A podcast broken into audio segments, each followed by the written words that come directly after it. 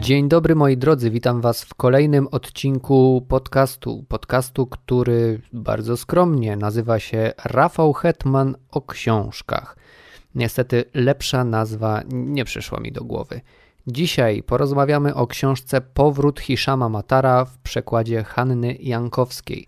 To jest jedna z dziewięciu książek, które znalazły się w dziewiątce najlepszych książek 2018 roku, którą przygotowałem kilka dni temu. O tych najlepszych książkach mówiłem w odcinku numer 5, w odcinku podcastu numer 5. Więc jeżeli jeszcze nie słyszeliście go, to zapraszam do odsłuchania. W tamtym podcaście powiedziałem, że będę w, w najbliższym czasie opowiadał o książkach, które znalazły się w tej dziewiątce i dzisiaj przyszedł czas na powrót Hishama Matara. Powrót Hishama Matara to jest książka z kategorii non-fiction, czyli z kategorii, w której się w jakiś sposób y, specjalizuje.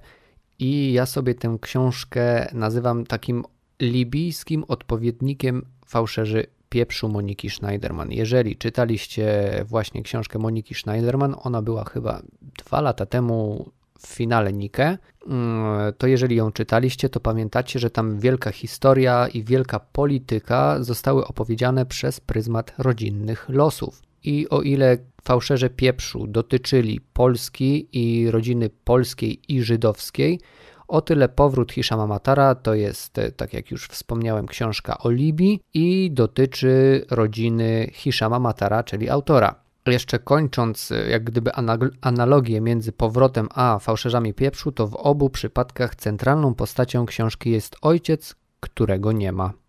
I to nie było bezpośrednie nawiązanie do książki Mariusza Szczygła Nie ma, o której notabene mówiłem w jednym z pierwszych, chyba w czwartym odcinku podcastu. Ale wracając do książki Hishama Matara.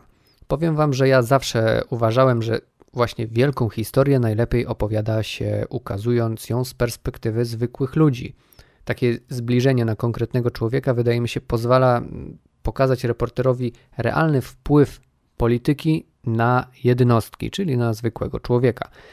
I w gruncie rzeczy ten wpływ jest e, ten wpływ historii na zwykłego człowieka jest e, najważniejszy w opowiadaniu historii, bo fakty, czyli przebieg rewolucji, daty, jakieś bitwy, no to to są sprawy raczej drugorzędne.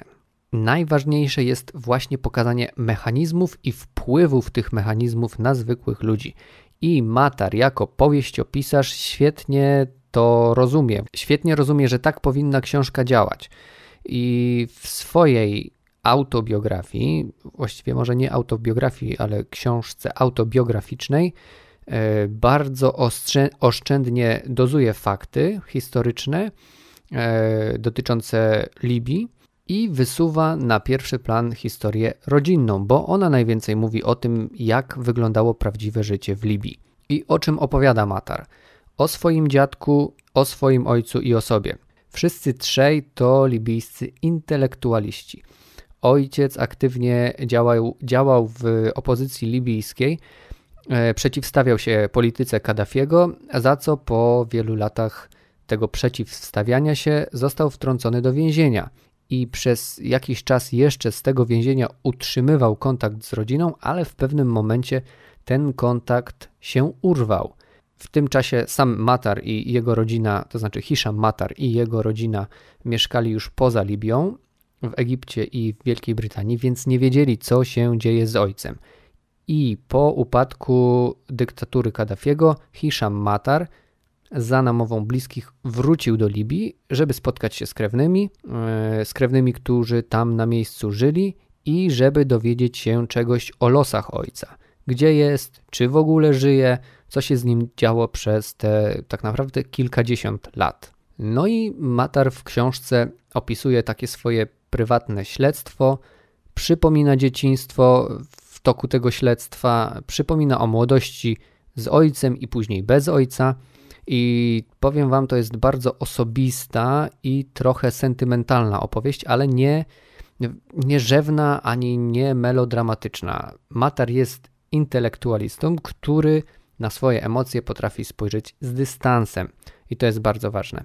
Chociaż w książce jednym z ważniejszych wątków jest taka walka wewnętrzna autora, w której emocji nie brakuje, bo Matar opisuje, co myślał, e, kiedy nie wiedział, co się z ojcem, ojcem dzieje, i to jest takie, mm, taka walka nadziei, nadziei, którą zwiemy matką głupich, ze zdrowym rozsądkiem ale ta walka autora e, z własnymi myślami nie jest e, głównym wątkiem, jest tylko jednym z wielu. Matar sporo pisze o Libii, o Libii w ostatnich latach przed upadkiem Kaddafiego i w tym okresie tuż po rewolucji. I to jest chyba pierwsza książka na polskim rynku. Ona się pojawiła w marcu 2018 roku albo w lutym. I to jest pierwsza książka, która opisuje libijską rewolucję i jej skutki. I wydaje mi się, że właśnie z tego powodu, że mm, pokazuje nam coś nowego, czyli ten czas po arabskiej wiośnie, warto po nią sięgnąć, bo arabska wiosna jeszcze nie została dobrze przerobiona w takim książkowym reportażu. Pojawiło się kilka książek o Syrii, na przykład o wojnie w Syrii, mm, też o efektach wojny w Syrii, czyli głównie o fali uchodźców zmierzających do Europy, ale wojna w Syrii, w Syrii cały czas trwa, więc nie można na nią spojrzeć z dystansu. Na w Libii rewolucja już się zakończyła, przeszła w fazę takich porewolucyjnych przepychanek. No, na razie trudno mówić o stabilizacji w kraju, ale no, rewolucja już się zakończyła. Dzięki temu taka w miarę spokojna sytuacja pozwoliła wrócić Hiszamowi Matarowi i odwiedzić swój rodzinny kraj i dzięki temu Mataru mógł opisać efekty rewolucji i podsumować w pewien sposób kilkudziesięcioletni okres dyktatury. W takim osobistym kontekście Mataru mógł po prostu zamknąć jeden chyba z najważniejszych etapów swojego życia, właśnie ten dotyczący ojca. Nie będę wam zdradzał, jak się książka zaczęła, no bo jak się książka skończyła, bo w tym jest całe klucz. Ta książka to jest e, takie śledztwo, więc nie mogę zdradzić wam e, wyniku tego śledztwa. Trudno jest mi ocenić, czy, ocenić, czy, czy wynik tego dochodzenia Hishama Matara mnie zaskoczył, czy nie. No ale już się zamykam, bo zaraz za dużo powiem.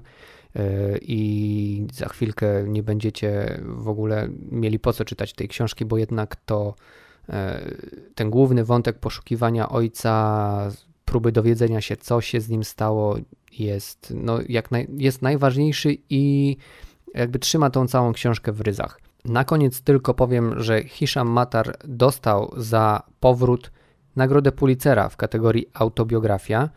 E, no, powrót był też nominowany do kilku innych prestiżowych nagród. W ogóle się temu nie dziwię, bo to naprawdę jest bardzo dobrze, bardzo dobrze napisana książka. Nie tylko ciekawa z punktu widzenia książki non-fiction, ale właśnie też napisana bardzo dobrze, jak powieść, powiedziałbym, bo tak jak już e, wspomniałem, Matar jest przede wszystkim pisarzem, e, który pisze powieści. No i to się w powrocie czuje. E, zwłaszcza w konstrukcji książki, e, w, tej, w takiej konstrukcji, e, w której autor miesza wątki, umiejętnie podtrzymuje napięcie i zainteresowanie czytelnika. Bardzo serdecznie polecam, jeżeli nie czytaliście, to Powrót Hiszama Matara, wydawnictwo Czarne. A książkę przełożyła Hanna Jankowska. To tyle o książce na dziś. Na koniec chciałbym Wam jeszcze zapytać, czy chcielibyście, żeby te podcasty były troszkę dłuższe, bo na razie taka bardzo szybka forma, kilkuminutowa, maksymalnie kilkunastominutowa mnie wystarcza, bo te informacje, które Wam sprzedaję, są takie skondensowane, ale może ktoś chciałby posłuchać więcej. Może wolelibyście, żebym się tutaj bardziej rozgadał. Dajcie znać, co na ten temat sądzicie. Napiszcie mi na Facebooku, napiszcie mi maile. Czekam na Wasze sugestie. To tyle na dziś. Bardzo dziękuję Wam za uwagę i do usłyszenia następnym razem.